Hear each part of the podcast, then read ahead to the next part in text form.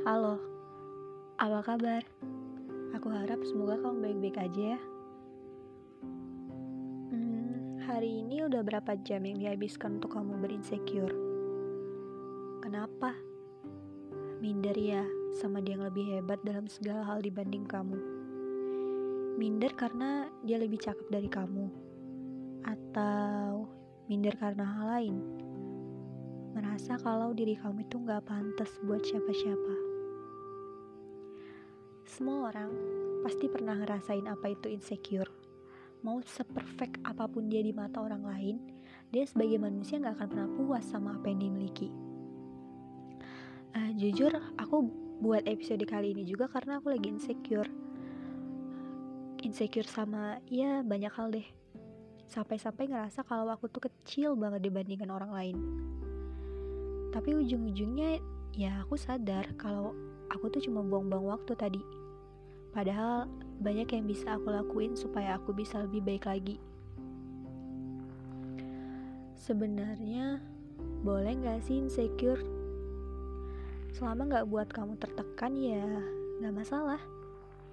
Dari insecure juga kamu mungkin bisa menjadi seperti apa yang kamu inginkan itu kalau kamu berusaha. Ambil sisi positifnya. Misalnya nih kamu insecure sama orang yang uh, public speakingnya tuh bagus. Kamu bisa kok latih diri kamu. Kalau dia bisa kenapa kamu enggak? Untuk sebagian orang public speaking emang perlu dilatih. Beda sama orang yang emang dari lahir uh, emang gak punya rasa takut di depan orang banyak jadinya ya dia udah biasa aja. Atau Contoh lain deh yang beda saat kamu insecure sama orang yang jago banget dalam hal menggambar sedangkan kamu buat garis itu aja nggak lurus. Itu kayak lagi ngomongin diri sendiri nggak?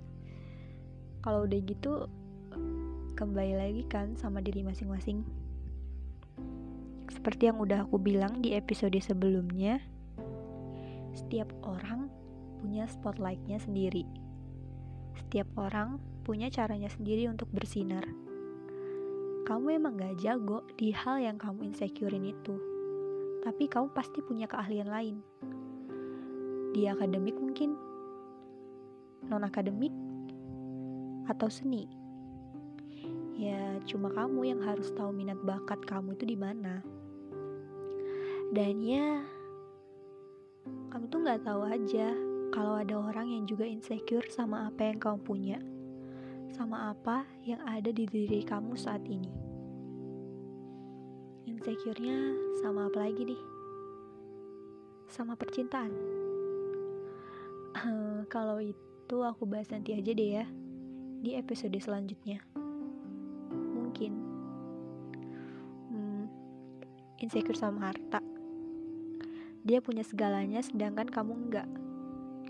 Ilah, harta nggak akan dibawa mati kali cuma sementara. Mending kau mikirin yang lain aja deh. Yang lebih berfaedah.